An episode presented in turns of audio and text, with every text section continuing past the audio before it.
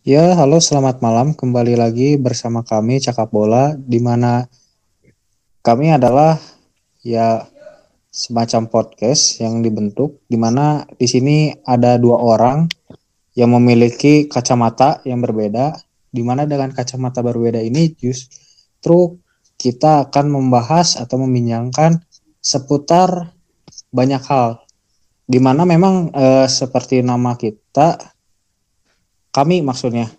Dan kita maksudnya kan kita juga uh, pendengar pun merupakan bagian dari kami sebagai membuat podcast di mana kami sendiri akan membagikan kepada kalian. Sesuai nama kami ya cakap cakap bola kami sebenarnya uh, concern utamanya itu memang berpusat pada bola. Namun di sini juga kami akan membahas hal-hal terkait dengan uh, kehidupan sehari-hari ataupun hal-hal yang memang menarik menurut kami yang muncul di kala masa pandemi ini. Seperti biasa, kami berdua, mungkin kalian juga bertanya-tanya, ini siapa ini yang ngomong? Uh, selamat malam, saya Elvan. Uh, sebagai biasanya saya itu sebagai rekan dari Nanda. Nah, sekarang saya sebagai moderator dan hmm. ada saudara Nanda. Halo Nan. Yo, halo, halo, selamat, selamat malam. malam juga. Nih. Baik, baik sehat. Oke, mantap. Nah, Nan, seperti yang tadi saya udah bilang sebelumnya, kita kan memang cakap bola ya. Concern kita utama kan memang ke arah bola. Yeah.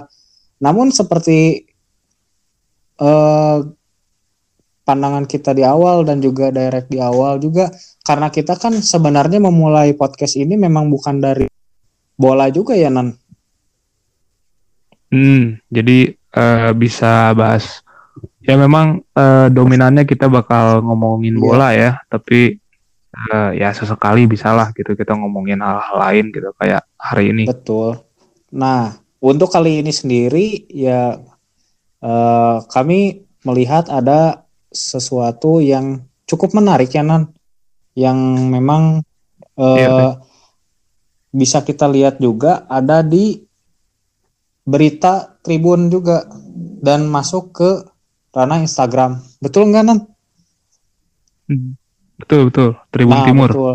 Uh, di mana di sini sendiri gimana Nan? Kalau menurut kamu kan uh, beritanya sendiri sebenarnya tentang apa sih Nan?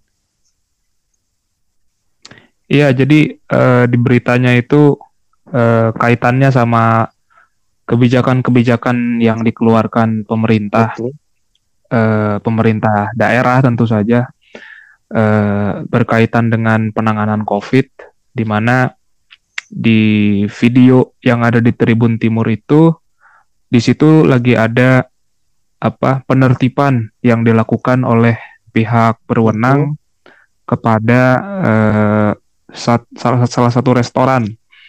Memang di sini nggak dimention tempatnya di mana ya, tapi uh, pada intinya yang kita lihat di restoran ini si apa si polisi meminta untuk restorannya segera segera ditutup hmm. gitu ya karena uh, ya seperti teman-teman ketahui sendiri bahwa di masa pandemi ini ada yang namanya peraturan jam malam okay, gitu. Iya. Nah maka dari si polisi yang melihat uh, restoran masih buka di jam malam itu me meminta untuk restoran segera dibubarkan gitu ya untuk mengikuti peraturan. Cuma terjadi perdebatan gitu. Bahkan ini di YouTube judulnya Bapak enak digaji kalau saya apa oh, iya. gitu. Jadi si penjual ini marah gitu ya kepada polisi. Betul. Si Bapak polisi kan dia hidupnya digaji sama pemerintah dan rasa-rasanya pandemi ini nggak terlalu mempengaruhi eh, penghasilan Pak Polisi, tapi kalau pedagang kan kehidupannya mereka bergantung dengan ya usaha Betul. mereka sendiri gitu. Kalau di suatu hari mereka ada yang menghalangi, ya contohnya saja kebijakan ini uh, itu akan berpengaruh dengan penghasilan yeah. mereka. Makanya di video ini terjadi perdebatan gitu soal jam malam okay. ini gitu kan. Nah, kalau kita bedah sendiri nan di sini kan sebenarnya ada dua subjek yang berseteru gitu ya. hmm. ya. Dari pihak pedagang hmm. dan juga dari pihak kepolisian gitu ya. Nah, Betul. kalau dari kacamata kamu sendiri nan, nah sebelumnya saya bakal mungkin uh, bakal ngasih pandangannya setelah kamu nih. Saya mau nanya, kalau menurut hmm. kamu sendiri nan, uh, dari pandangan kamu berdasarkan video aja ya, mungkin hmm. memang bisa dibilang ini pandangannya hmm. juga subjektif. Kalau menurut kamu sendiri sebenarnya ya masalah ini tuh dipicu apa dan juga kenapa bisa justru muncul dan viral gitu? Iya, uh, sebenarnya yang uh, saya perhatikan pemicu utama dari masalah di video ini, mungkin teman-teman juga ada yang tahu lah ya video ini karena memang viral gitu di sosmed. Itu adalah uh, peraturan terkait jam malam gitu, yang selama di masa pandemi ini berlaku hmm. gitu. Bukan hanya di uh, bukan hanya di satu kota gitu, sebutkanlah tempat kita tinggal Bandung tapi eh, kota-kota lain seperti ibu kota Jakarta dan tempat-tempat lainnya juga memberlakukan peraturan ini gitu. Dan terjadi pro kontra sih di masyarakat ya terkait dengan kebijakan ini. Eh, khususnya yang menol ada yang mendukung ada yang menolak. Yang menolak itu eh, terlebih para pelaku pelaku usaha gitu yang apa namanya yang usaha-usaha mereka terganggu seiring dengan uh, adanya penerapan yeah. jam malam ini gitu itu sih uh, yang saya lihat masalah okay. utamanya. Gitu. Nah kalau dari kamu sendiri nan, misalnya berkaca dari hmm. adanya perseteruan antara dua pihak ini, menurut kamu pihak mana yang sebenarnya justru menjadi pihak yang bisa dibilang uh, pemicu dari permasalahan ini gitu kan sebenarnya kalau misalnya kita bedah sendiri mungkin ada satu pihak tambahan lagi di luar mereka berdua yang di mana sebenarnya justru karena kebijakan itu menimbulkan polemik gitu di sini ya di satu sisi polisi yeah. sendiri harus menjalankan tugasnya dan pedagang sendiri memang harus berjualan gitu untuk meneruskan hidup. Menurut kamu sendiri nan hmm. uh, dari adanya perseturuan ini, kalau misalnya dipaksa atau misalnya kamu lebih memilih, uh, apakah polisi yang salah di sini ataukah justru pedagang yang di sini yang sebenarnya kan secara nggak langsung hal ini mengenai jam malam ini pasti udah dari jauh-jauh hari ya dan ada surat betul, pemberitahuannya sebelumnya dan setahu saya di mana kalau misalnya ada apa ya penertiban itu pasti polisi ataupun pihak terkait misalnya satpol pp pasti bawa surat tugas juga kan. Nah kalau menurut kamu sendiri ya, gimana nan? Tugas. Apakah pihak pedagang yang salah ataukah pihak polisi yang justru e, di sini harusnya memberikan keringanan? Mungkin ya kalau menurut pandangan saya pasti aja mungkin pedagang yang ini baru tahu belum pernah dikasih penjelasan. Nah, hmm. kalau menurut kamu sendiri gimana, Nah?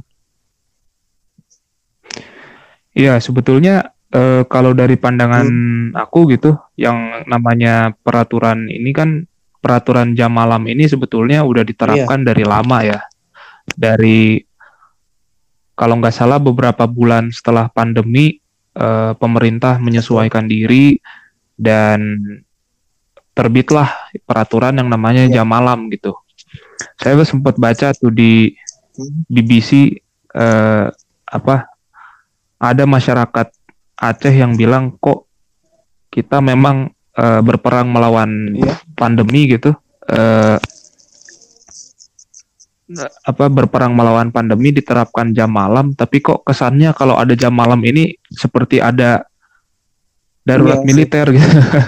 Seperti ada kondisi darurat militer ya sampai ada keputusan uh, jam malam ini. Bisa dibilang ya, jam malam lagi. untuk di Papua yang sekarang lagi bersih tegang dan juga ada apa prajurit yang gugur gitu ya. Iya, mungkin itu hmm. uh, possible untuk itu.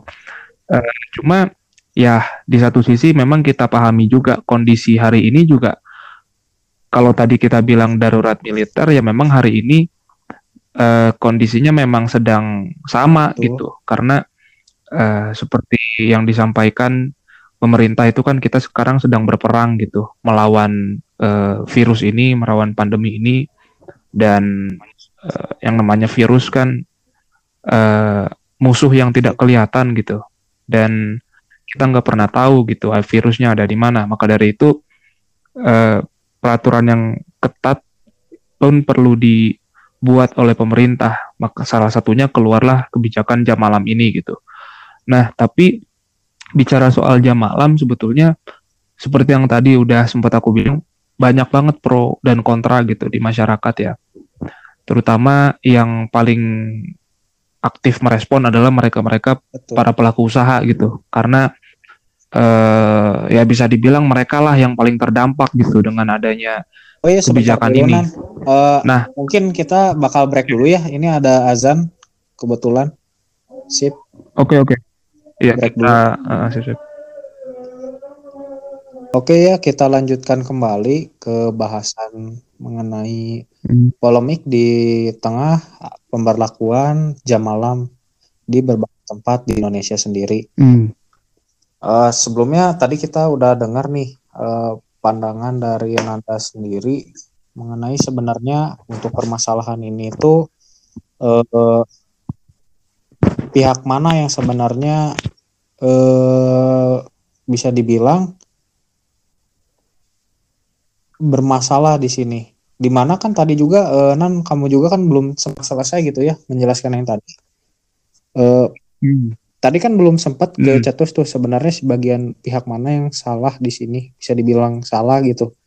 Karena kan kejalanan hmm. adanya PSBB sendiri juga jam malam ini pemberlakuan ini kan bukan kayak apa ya baru seminggu dua minggu gitu dijalankannya tapi udah udah hampir yeah, iya. setahun lebih gitu gitu nah kalau menurut yeah, kamu sendiri nah, melanjutkan yang tadi yang sempat terpotong kalau menurut kamu sendiri akhirnya pihak mana yang sebenarnya lebih dibebankan di sini?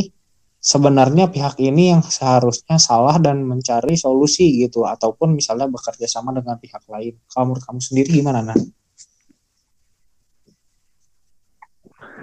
Iya, eh, lanjut yang tadi uh, sebetulnya kalau saya ngelihat uh, sulit juga ya untuk menyalahkan kedua pihak uh, yang ada di ya studi kasus kita kan video yang si yeah. Tribun Tribun Timur ini ya antara pihak pedagang sama uh, penegak hukum gitu Betul. dalam hal ini polisi saya, kalau saya pribadi ngerasa uh, sulit juga gitu untuk apa untuk bilang si penjual K yang salah atau si uh, penegak hukum K yang salah? Karena pada dasarnya kedua pihak ini sedang ini apa sedang sama-sama punya hmm. tujuannya masing-masing gitu.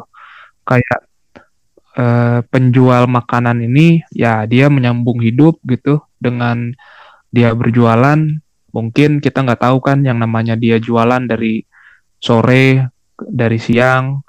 Itu Betul. Sedikit yang beli gitu baru ketika malam ada yang beli itu kan ya kita kalau secara manusiawi ngerasa ya mungkin dia marah itu hmm. kita ngerti lah karena satu satu penjual eh satu pembeli juga iya. berharga sekali gitu bagi dia ya satu sisi ngelihat penegak hukum memang dia hmm. menjalankan aturan gitu. Dia menjalankan protokol, dia menjalankan SOP yang ditetapkan oleh pemerintah uh, untuk hmm. mencegah pandemi ini sehingga uh, sebenarnya kedua belah pihak kalau bisa dibilang hmm. menjalankan tujuannya masing-masing gitu. Yang perlu kita sorot yeah. di sini menurut saya gitu ya menurut aku yang perlu disorot itu lebih ke uh, penerapan kebijakan sebetulnya penerapan kebijakan si yeah. jam malam ini gitu ya ya kembali gitu kita uh, tahu bahwa ada perdebatan yang uh, cukup sengit juga di antara ya baik ilmuwan, baik pemerintah, Betul. baik masyarakat itu sendiri memperdebatkan apakah jam malam ini memang dirasa efektif untuk mencegah Betul. penyebaran COVID atau tidak. Bisa kita tahu mengenai nah, jam malam ini banyak banget uh, ya teori konspirasi dan mengenai banyak uh, tidak ketidak iya, apa ya banyak. bisa dibilang tuh uh, masyarakat sendiri lebih banyak tidak setuju gitu dengan adanya jam malam betul kanan iya betul uh, dan saya juga terakhir baca beberapa artikel gitu ya artikel-artikel resmi yang bicarain soal kesehatan disampaikan bahwa sampai saat ini belum ada tuh belum ada korelasinya antara jam malam dengan penyebaran uh, virus COVID gitu. Tapi yang kita lihat dari satu sisi adalah uh, yang nggak mungkin peraturan dibuat tanpa hmm. adanya ini kan, tanpa adanya alasan tertentu gitu. Pasti uh, pemerintah punya alasan. Yang disampaikan di situ adalah pemerintah ingin membatasi mobilisasi masyarakat yang uh, yang keluar malam hari gitu. Di mana kan yang namanya mobilisasi malam hari itu hmm. biasanya lebih sulit terkontrol gitu ya, lebih sulit di uh, ya di di ensure lah gitu, dipastikan bahwasanya masyarakat ini uh, nggak nggak nggak ke mana-mana, masyarakat ini tetap menjalankan aturan. Maka dari itu diterapkanlah peraturan si protokol hmm. apa si jam malam ini dan rasanya mungkin kalau yeah. nyambung ke pertanyaan kamu tadi, mungkin peraturan hmm. ini perlu dikaji lagi gitu.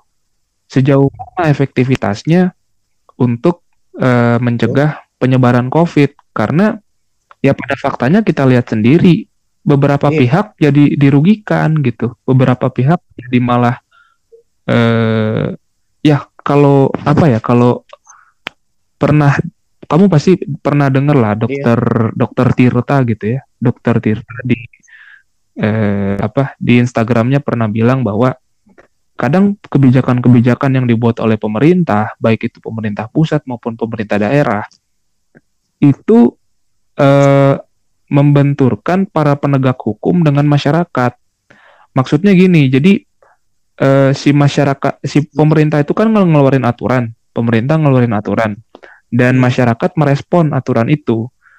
Nah, sementara orang lapangan, orang yang ya katakanlah mensosialisasikan peraturan pemerintah itu di lapangan itu kan ya salah satu contohnya penegak hukum ini, polisi gitu. Ketika mereka berhadapan dengan masyarakat, ya terjadi perdebatan gitu. Sementara di satu sisi polisi kan hanya yeah. menjalankan aturan gitu ya. E, hanya menjalankan aturan dari Betul. Dari ya. dari atas lah gitu uh, istilahnya. Juga memang apa ya? Jadi, bisa dibilang uh, polisi itu hanya menjalankan kayak apa ya? Dia hanya mengeksekusi sebagai bentuk jawaban dari pemerintah pusat sedangkan untuk jawaban secara pastinya sendiri kan yang hmm. yang memegang jawaban itu pe, pembuat dari kebijakannya itu sendiri ya Nan, bukan dari polisinya sendiri. Betul, pembuat pembuat kebijakan sendiri gitu. Nah kalau ngomong-ngomong soal peraturan polisi, sama halnya dengan yeah. kayak peraturan lalu lintas misalkan, yang yang jadi perdebatan di masyarakat. Misal nih kita ngomongin uh, peraturan uh, motor yang harus nyalain oh, iya, lampu, lampu di siang hari gitu. Ya mungkin kita sebagai masyarakat awam mikirnya yang ngapain gitu lampu dinyalain di siang hari gitu kan ya. nggak banyak banyakin aki kalau dulu mah kan gitu mesin aki gitu kan nyala siang hari orang-orang kelihatan gitu yang selama ini ada di pikiran awam kan lampu digunakan agar eh, ketika dalam kondisi gelap si pengendara itu bisa ini gitu bisa hmm. bisa bisa mudah melihat gitu bisa terbantu penglihatannya tapi memperdebatkan tapi eh, di suatu saat ada e, peristiwa masyarakat ditilang sama polisi karena nggak nyalain lampu. Masyarakat memperdebatkan sama polisi, mungkin polisinya bisa ya. E, menjawab gitu. Tapi kan jawaban jawabannya pasti normatif nggak sih? Jawaban jawabannya pasti kembali lagi berdasarkan iya. dengan peraturan yang ada. Nah, maka dari itu sebetulnya agak kurang pas juga kalau eh, perdebatan itu terjadi di antara masyarakat sipil dan polisi iya. pada akhirnya yang disalahkan polisi gitu.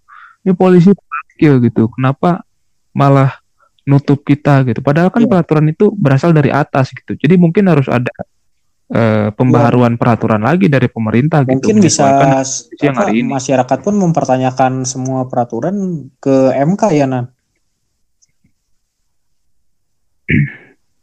Ya bisa uh, mungkin apa para ya dewan perwakilan kita mendengarkan hmm. dan merevisi itu gitu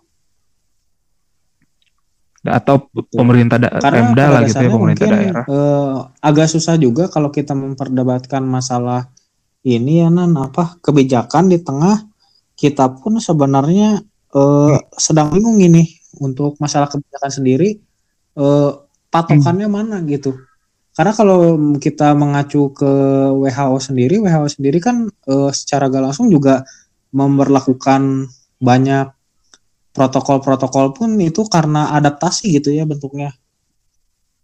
Makanya betul, betul. Mereka e, ibarat inilah ibarat apa aplikasi di Android iya. ya diupdate lagi, diupdate lagi, diupdate ah, lagi gitu, menyesuaikan mungkin ya, gitu. Kecenderungannya kenapa dilakukannya jam malam mungkin berkaitan juga sempat dengan adanya di Indonesia sendiri sekarang kan lagi curah hujan lumayan tinggi gitu ya dan suhu suhu apa suhu di daerah hmm. tertentu di Indonesia itu sedang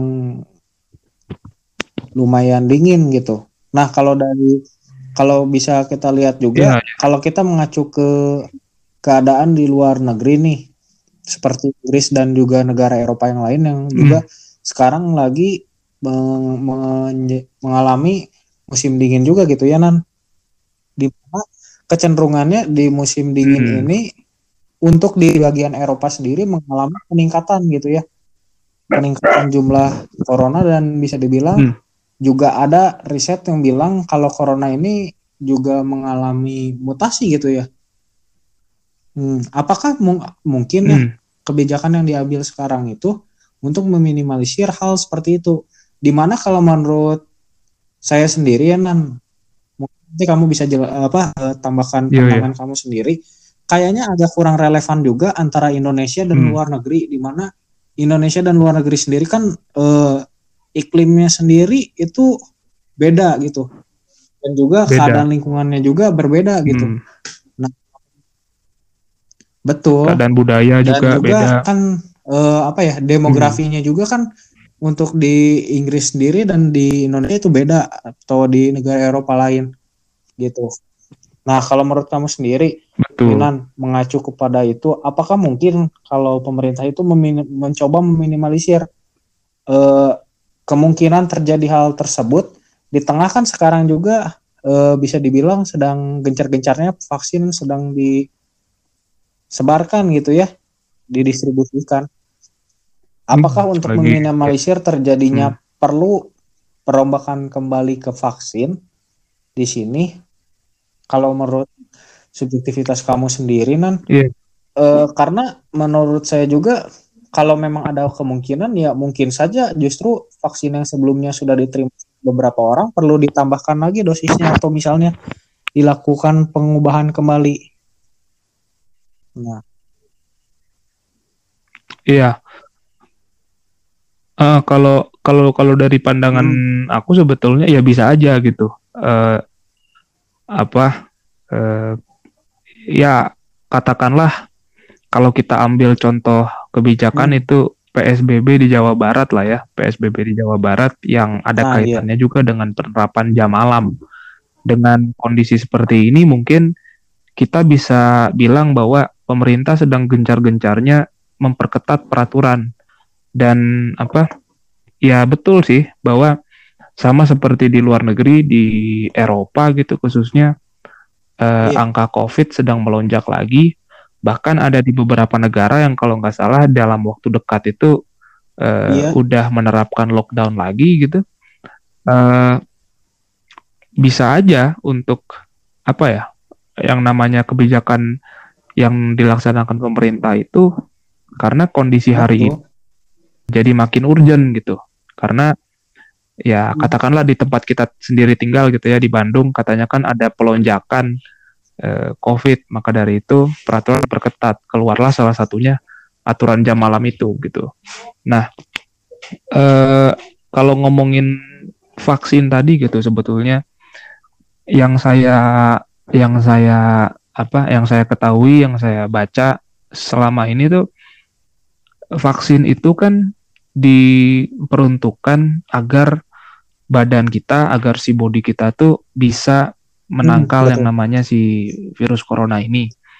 Cuma berkaitan dengan yang tadi kamu bilang bahwasanya corona ini ada in ada apa? Ada berita katanya mutasi-mutasi yeah.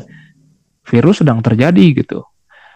Apa ya? Kalau saya sebagai awam sih saya nggak pakai apa? Saya nggak pakai istilah-istilah kedokteran ya karena aku kurang paham juga apa. Misalkan. Virus yeah. corona hari ini tuh tipe A gitu vaksin itu datang untuk hmm. menangkal corona yang tipe A. Sementara hari ini yang namanya si corona ya. itu kan bermutasi jadi si tipe B, jadi si tipe C gitu. Jadi eh, kalau vaksin udah disuntikan ke dalam eh, ke dalam badan kita juga belum tentu Betul. 100% bisa bikin kita aman gitu.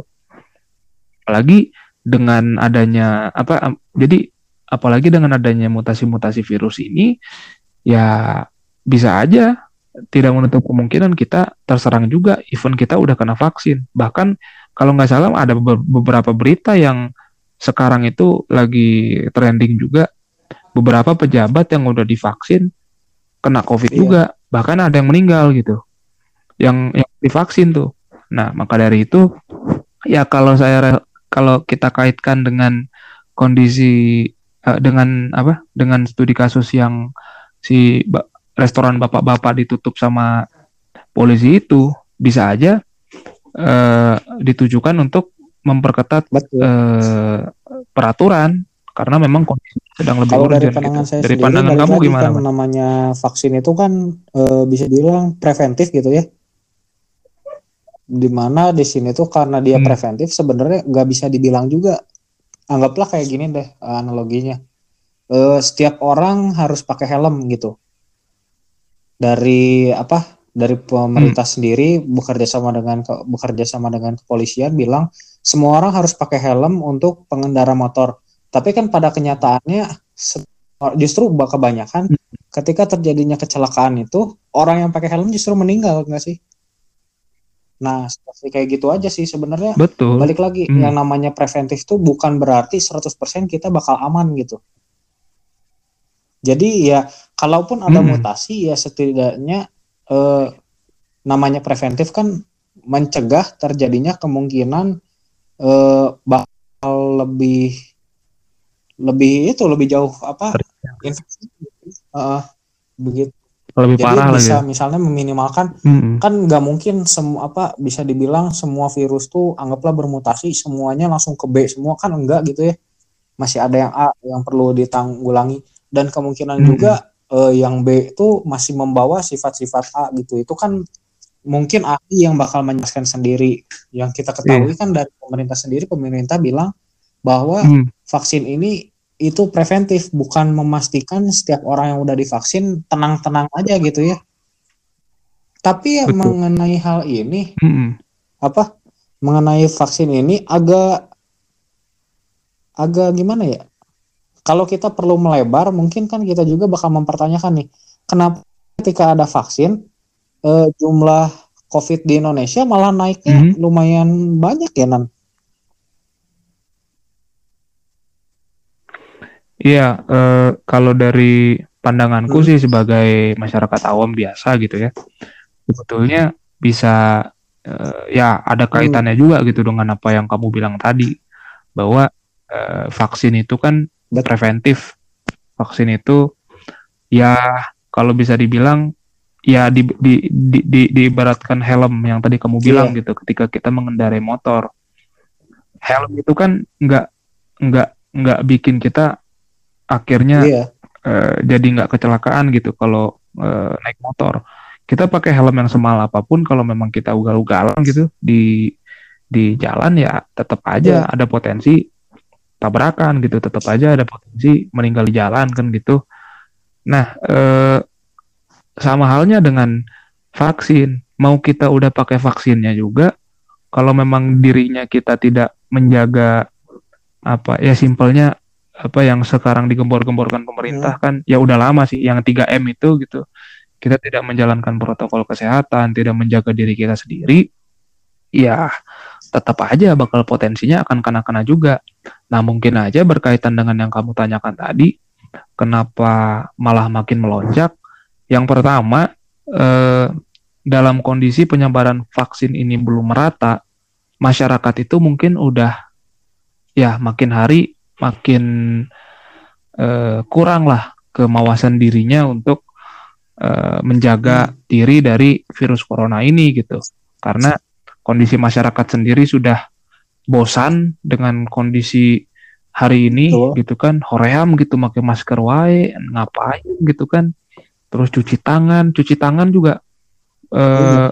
harus konsisten gitu jaga jarak dan itu ya ya itu gitu mungkin ketika vaksinnya belum merata disebarkan, hmm. masyarakat uh, lengah gitu. Masyarakat uh, tidak menjaga dirinya sendiri, maka dari itu uh, melonjaklah Mungkin yang namanya juga bisa karena si ini ya Nan, COVID apa, itu. Gitu. Bisa dibilang karena datangnya vaksin muncul euforia baru gitu ya. Betul, Di mana, bisa. Uh, setiap orang merasa, wah vaksin datang nih, tenang ah, nanti juga gak akan kena hmm. gitu. mungkin hmm. itu ngomong-ngomong yeah. itu ngomong-ngomong apa euforia ya uh, jadi saya jadi keinget uh, podcastnya yeah. Dokter Tirta bareng Deddy Corbuzier ya di Close the Door itu yang menyampaikan bahwa do, Dokter Tirta yang bilang bahwa pemerintah sendiri pun dalam hmm, publikasinya bikin blunder juga gitu. Menurut dokter Tirta ya bikin blunder karena ya berkaitan dengan vaksin seolah-olah dengan adanya vaksin ini masyarakat udah terbebas gitu dari COVID. Jadi pada waktu itu eh, Instagramnya presiden Instagramnya eh, Presiden Jokowi itu menyebarkan sebuah postingan yang bilang eh, Betul. vaksin datang hatiku gembira gitu jadi seolah-olah ya, kalau seolah udah ada kan vaksin kan udah bebas kunci, gitu. Ya, udah uh, kunci yang untuk apa kebal. ini semua tuh udah datang gitu ya. Hmm.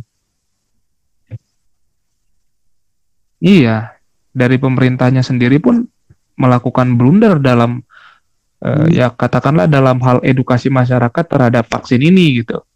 Maka dari itu mungkin dengan ya informasi yang kurang didapatkan oleh masyarakat tentang vaksin ini, kemawasan diri masyarakat juga semakin kurang. Jadi ngerasa santai lah gitu. Atau mungkin uh, karena aman. ini juga nan, saya juga sempat melihat ada beberapa meme gitu ya, uh, spanduk gitu, gede gitu ya, yang saya lihat. Hmm. Tulisannya tuh tak kenal hmm. maka tak kebal. Pernah dengar Iya, dia gambarnya itu gambar orang kalau nggak salah. Di, di tulisan di sampingnya itu tak kenal maka tak kebal. Apakah itu justru memicu apa ya? Eh, pandangan tersendiri di masyarakat. Jadi supaya apa ya? Supaya tahu corona itu seperti apa. Justru mereka ingin berkenalan gitu, makanya mengabaikan banyak protokol gitu. Oh, oh maksudnya mungkin uh, hmm. dengan bersilaturahmi nah, iya. dengan, bisa dengan lebih kenal kita gitu. Ya. kenal COVID sendiri kita yeah. bisa kebal gitu. Nah tapi kan uh, sebenarnya yang saya tahu uh, banner itu tuh yang jadi meme sempet rame di awal tahun ini tuh bahkan di akhir tahun kemarin juga meme itu tuh uh, sebenarnya itu tuh hmm. sebagai apa ya uh, gambaran kalau misalnya datang vaksin supaya masyarakat itu justru malah apa ya eh, tergugah gitu untuk divaksin sebenarnya mungkin dari situ ya iya. tapi kan ya namanya masyarakat kita kan juga majemuk ya gak satu pemikiran semua apakah mungkin dengan mm. slogan tak kenal maka tak kebal justru orang makin abai gitu Iya, uh, kalau ya kalau dari pandanganku sebetulnya hmm. Mungkin kalau kita melihat dari sisi yang lain gitu, mungkin ada benarnya juga gitu yang slogan tak kenal maka tak kebal. Yang dimaksud kalau menurut saya adalah uh, seberapa jauh masyarakat mengenal si virus ini gitu. Seberapa jauh masyarakat mengenal si musuh yang namanya corona ini. Dengan masyarakat semakin mawas diri, dengan ya katakanlah kalau kita yang udah punya smartphone, yang udah punya teknologi gitu, dengan kita sering membaca gitu, dengan kita sering menonton video-video yang edukatif, eh, mungkin yang agak sensitif itu tentang vaksin tadi ya. Jadi bukan eh, maksudnya Betul. dengan datangnya vaksin itu udah bebas gitu kan enggak dengan kita semakin memperkaya diri kita dengan pengetahuan-pengetahuan eh, mungkin kita bisa mengebalkan diri kita dari hmm. yang namanya si eh, corona ini gitu. Karena kembali lagi yang menjadi garda terdepan untuk menghalau COVID ini itu kan sebenarnya diri kita sendiri gitu. Kalau diri kita sendiri bisa menjaga, kalau diri kita sendiri bisa uh, mengenal musuhnya itu dan kita menyesuaikan bagaimana caranya kita membenahi diri, ya bukan tidak mungkin virus corona ini Betul. bisa kita uh, musnahkan gitu. Itu sih makanya ya mm -mm. mungkin pandangan masyarakat sendiri mengenai garda masalah garda terdepan, garda terakhir. Mungkin orang-orang masih berpikirnya garda terdepan itu justru para dokter dan tenaga medis ya. Padahal secara gak langsung tuh sebenarnya mereka iya, itu garda terakhir gitu. bukan garda terdepan gitu. Mm -mm. Betul. Jadi uh, seolah-olah bergantung dengan hmm. apa? Dengan Padahal kan gitu terdepannya ya. itu diri masing-masing gitu ya. Mm -mm.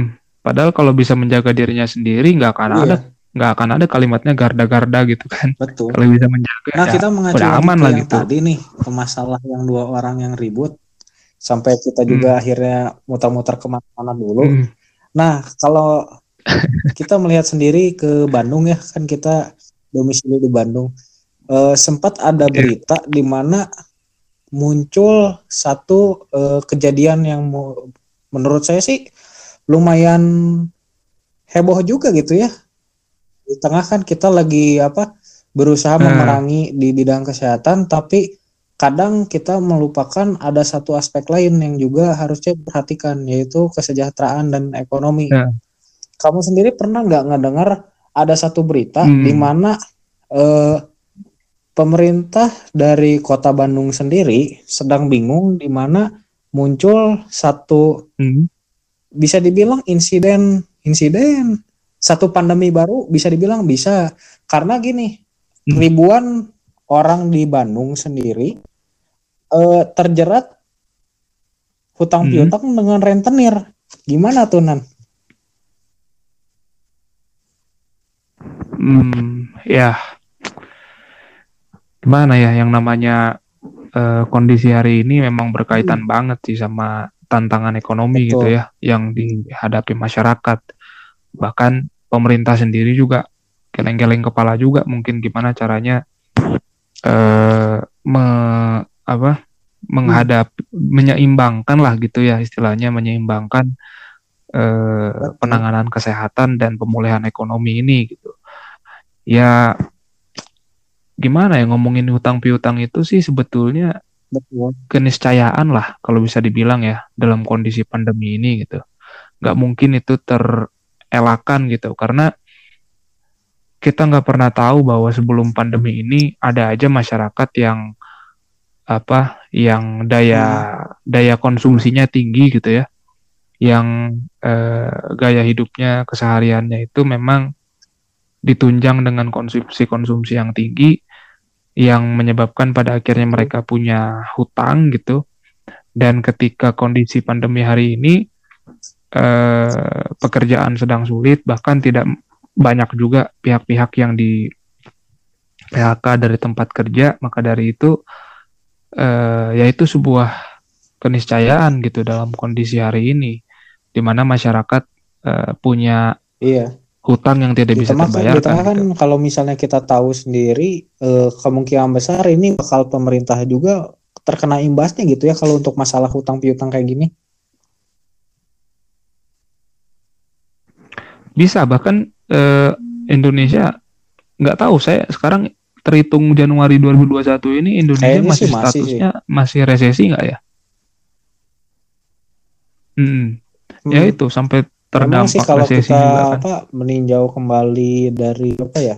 Dari segi ekonomi sendiri ya mungkin e, bisa dibilang jam malam ini berusaha sebenarnya mengoptimalkan gitu ya untuk e, apa hmm. peningkatan kesehatan Nah, untuk siangnya sendiri untuk meningkatkan kesejahteraan gitu ya. Walaupun sebenarnya pada penerapannya justru iya, eh, sektor kuliner dan juga hal yang lain itu bergerak justru di malam hari gitu ya. Mm -mm.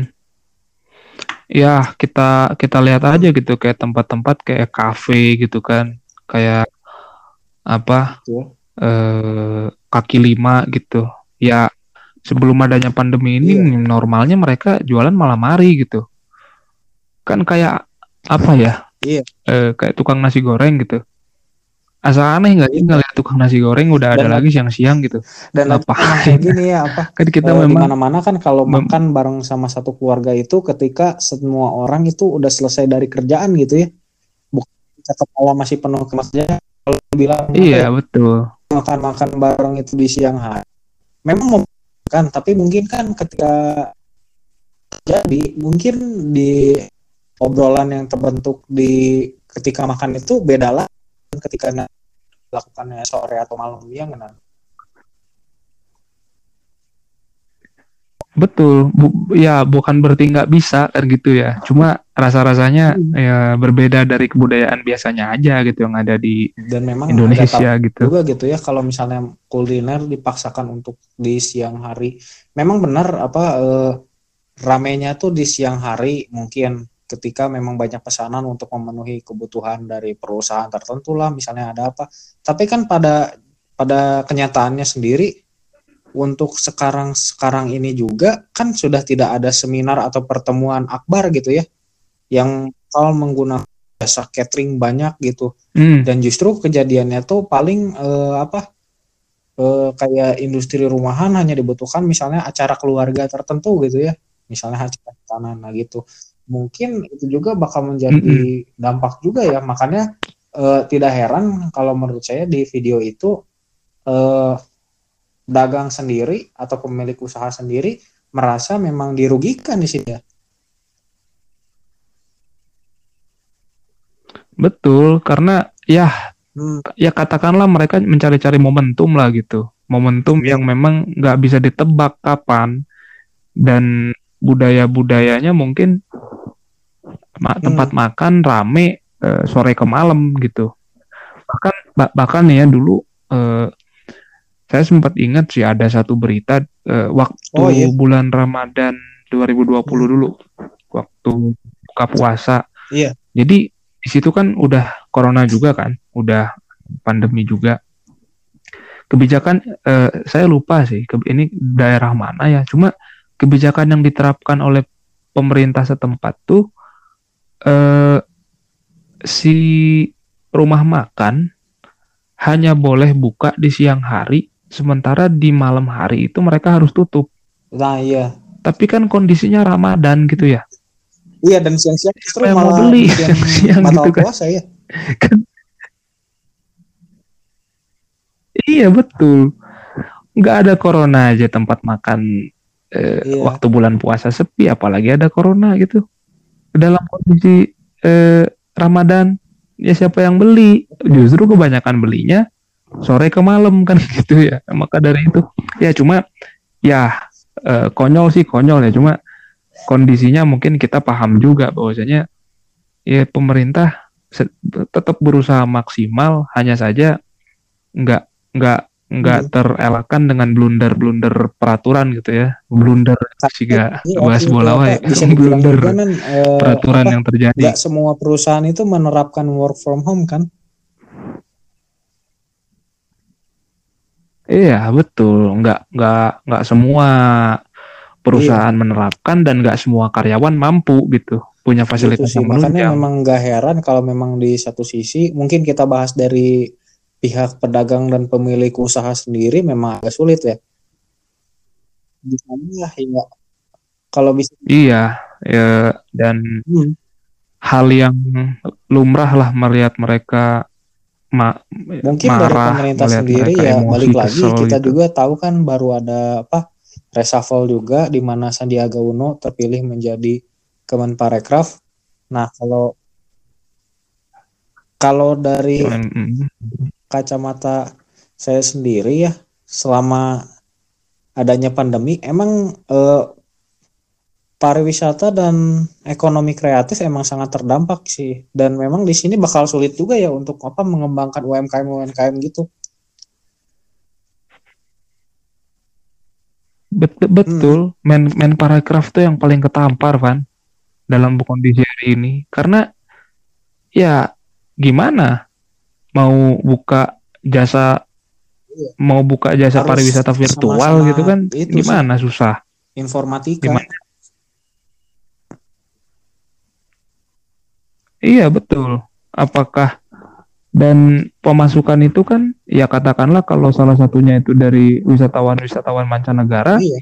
ya dengan wisatawan itu datang ke Indonesia kan gitu. Sementara betul. sekarang terjadi pembatasan gitu. Penerimaan wisatawan wisatawan mancanegaranya juga mungkin Parno datang ke sini gitu kan. Maka dari itu ya sulit sih maka dari iya. tadi saya bilang Di paling ketampar lah Kemenparekraf itu bekerja sama dengan Kementerian Sosial tetapi terjadi masalah di tahun kemarin, hmm. Kementerian Sosial pun melakukan blunder ya.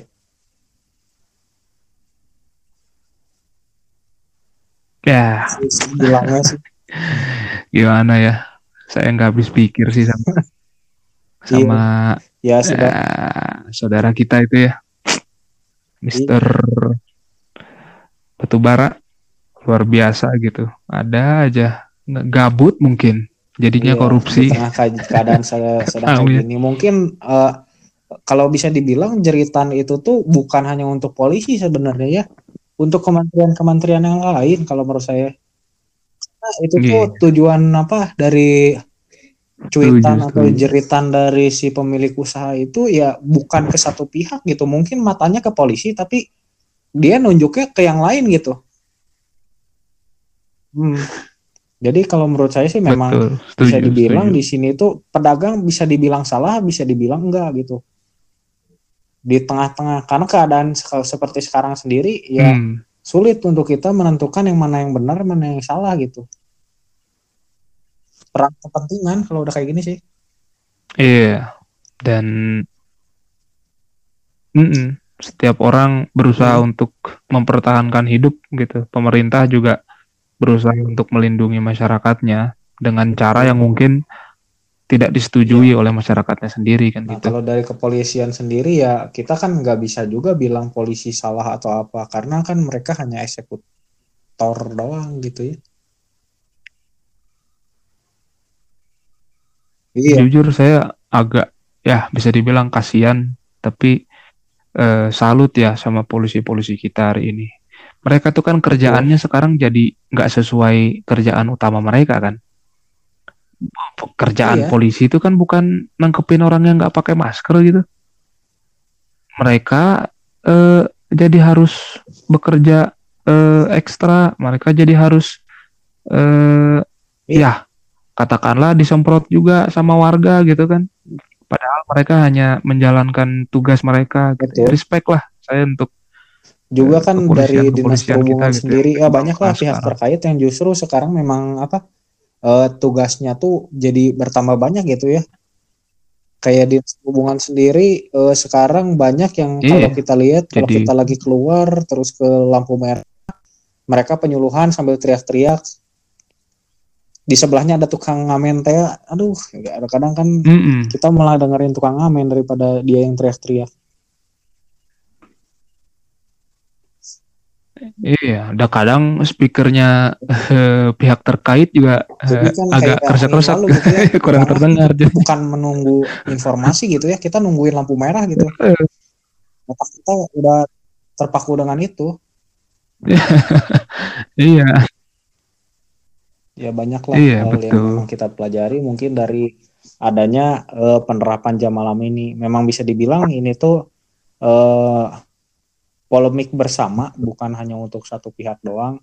Memang kita gak bisa bilang, eh bisa kita bilang juga uh, pemilik usaha tuh salah di sini, di mana dia hanya mengedepankan memang egonya sendiri gitu ya. Karena kan nggak nggak cuma dia doang hmm. yang terdampak itu. Mungkin ya saya sendiri gak bisa bilang dia salah tuh karena gini di mana-mana kalau orang lagi ngomong sama emosinya dia juga nggak tahu sebenarnya dia yang diomongin teh salah atau benar gitu ya gitu makanya ya hmm. bisa dibilang memang keadaan sekarang lagi sulit-sulitnya jadi ya kita Sulit, doakan betul. saja semoga ke depannya mungkin eh, hal-hal uh, seperti ini bisa mendapat concern gitu ya dari pihak-pihak terutama pembuat kebijakan?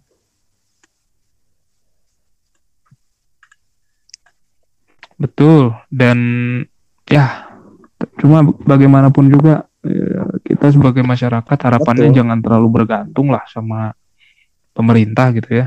Kita kita sendiri gitu yang harus mawas diri, kita sendiri yang harus menjaga diri kita agar kita tetap uh, terjaga gitu hmm. dari uh, COVID ini karena mungkin pemerintah menaruh mata ke 270 juta 260 iya. lebih penduduk Indonesia kan paling nanti iya. ditanya eh kan matanya kok cuma ada yang dua di mana kan gitu. ada DPR yang kayak gitu ya kan kita nggak tahu mereka lagi tidur atau enggak ya enggak sih kita nggak bisa lihat juga bisa tahu kalau semuanya itu buka mata gitu. karena kan balik lagi di sini tuh masalah buka mata di sini bukan mata secara yeah. harfiah gitu ya mata yang untuk melihat tapi di sini tuh maksudnya mata tuh apakah mereka menggunakan iya. kepentingan yeah. untuk kepentingan sendiri atau untuk kepentingan bersama gitu ya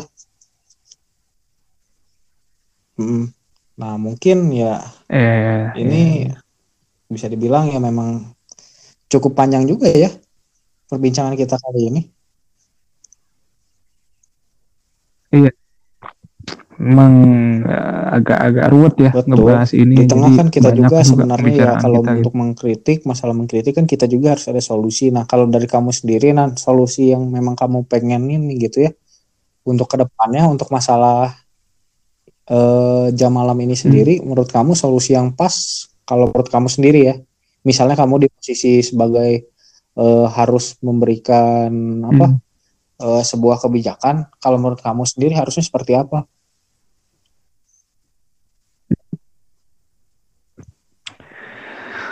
ya uh, sebetulnya kalau saya sendiri melihat hmm. kalau kebijakan jam malam ini perlu dievaluasi ulang gitu ya perlu di uh, lihat lagi seberapa jauh Betul. efektivitasnya untuk menekan COVID karena Uh, COVID bukan hanya menyebar di malam hari gitu yang namanya di siang hari juga masih terjadi pagi hari bahkan uh, kapan pun lah gitu ya bisa terpapar. Nah mungkin yang saya lihat dari yang paling simpel dulu mungkin dari segi masyarakatnya sendiri ya.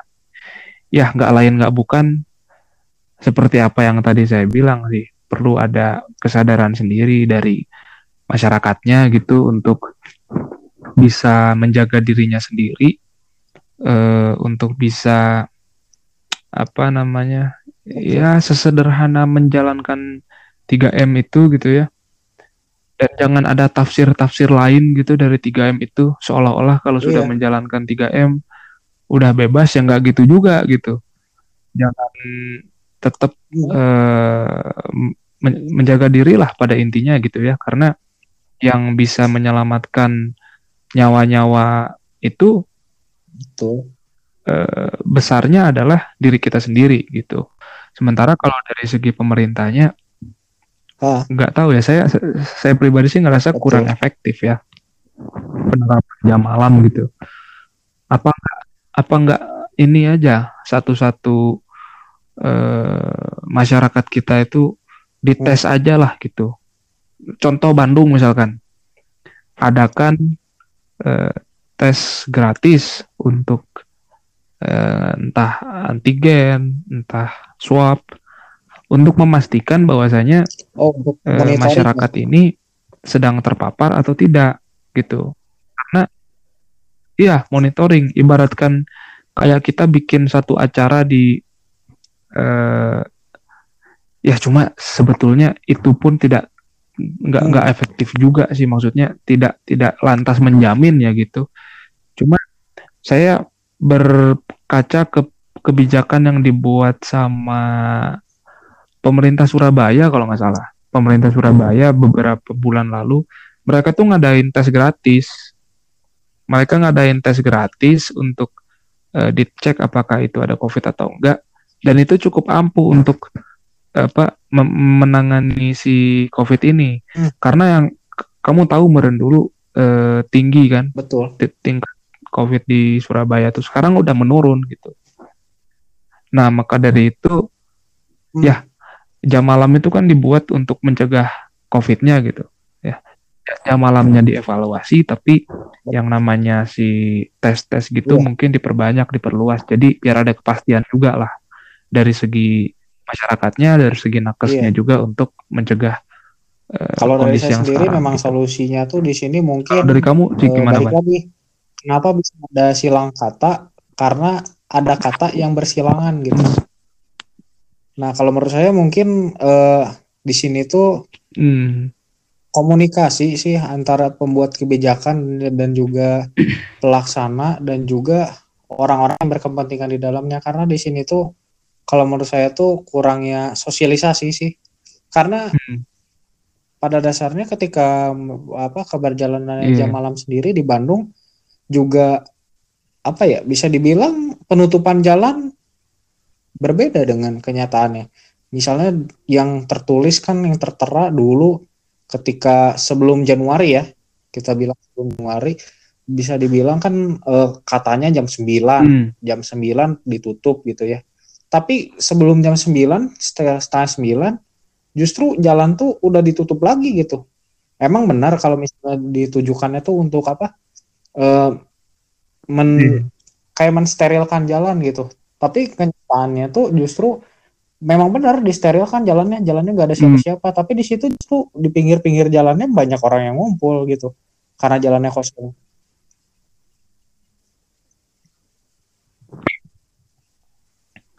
Iya betul, gitu harus betul. lebih uh, jelas lah gitu ya, itu lebih juga, pasti. Harusnya pemerintah sendiri menyadari jumlah aparat mereka tuh ada berapa banyak gitu, karena karena nggak bisa menutup mata juga ya uh, apa hmm, jumlah polisi itu kan terbatas gitu ya nggak mungkin di setiap ruas ada polisi gitu dan kalaupun misalnya satu ruas terbatas. jalan di, di apa dijagain Betul. sama dua polisi kan anggaplah ada berapa ruas yang harus dikawal gitu dan kalaupun hanya dua polisi kan nggak mungkin membubarkan misalnya ada kayak hmm. festival di satu jalan iya nggak sih kayak polisinya dikeroyok nih ujung-ujungnya Iya betul betul. Iya gak seberapa. Emang uh, uh, dua berapa bisa gitu kan? bubarin semuanya. Nah gitu makanya kalau menurut saya tuh iya sih ini tuh masalahnya tuh sebenarnya komunikasi dan memang kolaborasi antar ini.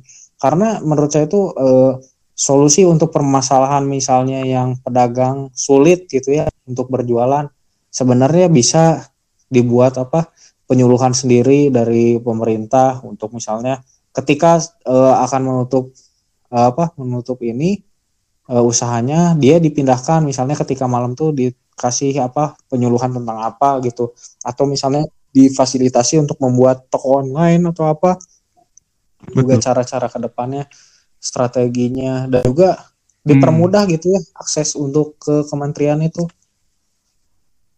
betul karena memang kalau menurut saya tuh mungkin yeah. uh, masyarakat ya. sendiri nggak deket sama kementerian itu karena ma masyarakat sendiri bingung gimana mau ke sananya gitu terkadang juga seperti itu sih kalau menurut saya hmm. memang fokus utamanya yeah. Iya. memang ke komunikasi sih di sini tuh betul komunikasi dan edukasi dan lah ya, ya biar masyarakat memang lebih mawas diri kita kan nggak bisa bilang juga setiap orang tuh gak bisa nyalah nyalahin pemerintah lah gak bisa kayak gini karena kan kepala orang tuh isinya beda gitu ya dan apa yang ditemui satu orang tuh berbeda dengan yang lain gitu hmm. di hari itu hmm. nah mengakhiri memang iya, betul. kita udah ngomong lumayan lama ya nan udah sejam lebih Iya. Nah, untuk oh, udah, ini uh, mungkin udah sejam lebih ya. Uh, Baru lihat sih. Ada pesan-pesanan yang yeah, mau yeah. kamu sampaikan untuk kita semua.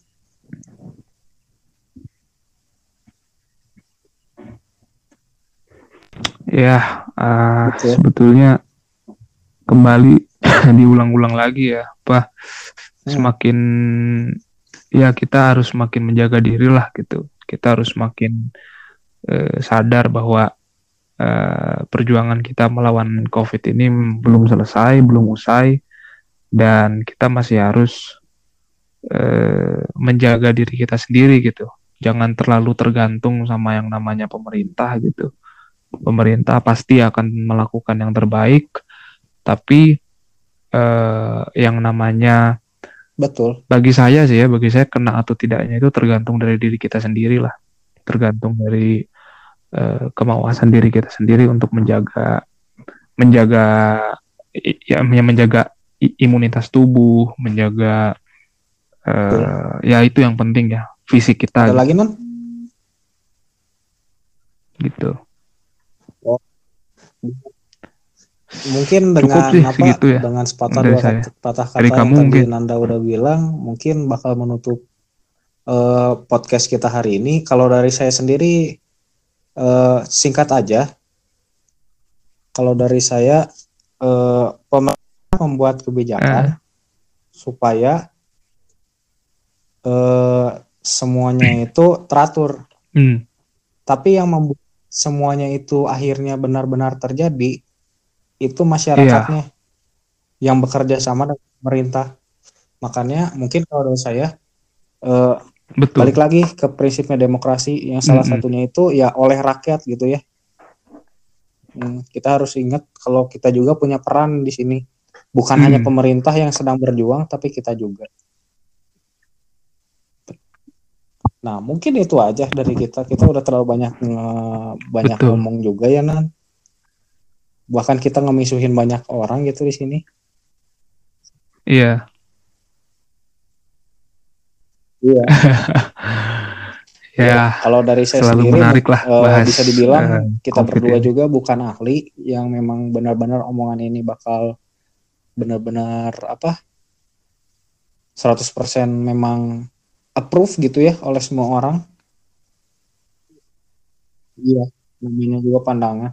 Kita uh, hanya melihat ya ini pendapat lah sendiri. pandangan mungkin, kita. Bukan ya. mungkin lagi, pastilah ada kesalahan ya kami mohon maaf ya kalau misalnya memang nanti ada di antara kalian oh nggak setuju kayak gini gini ya, gini ya silakan aja karena kan memang ini merupakan pandangan kami sendiri gitu ya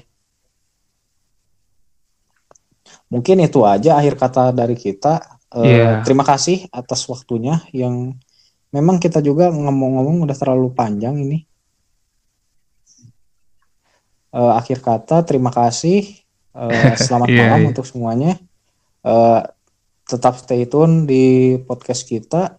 Uh, ke depannya mungkin kita bakal ngebahas lagi banyak hal, uh, terutama sepak bola. Terima kasih semuanya sudah mendengarkan. Selamat yeah. malam.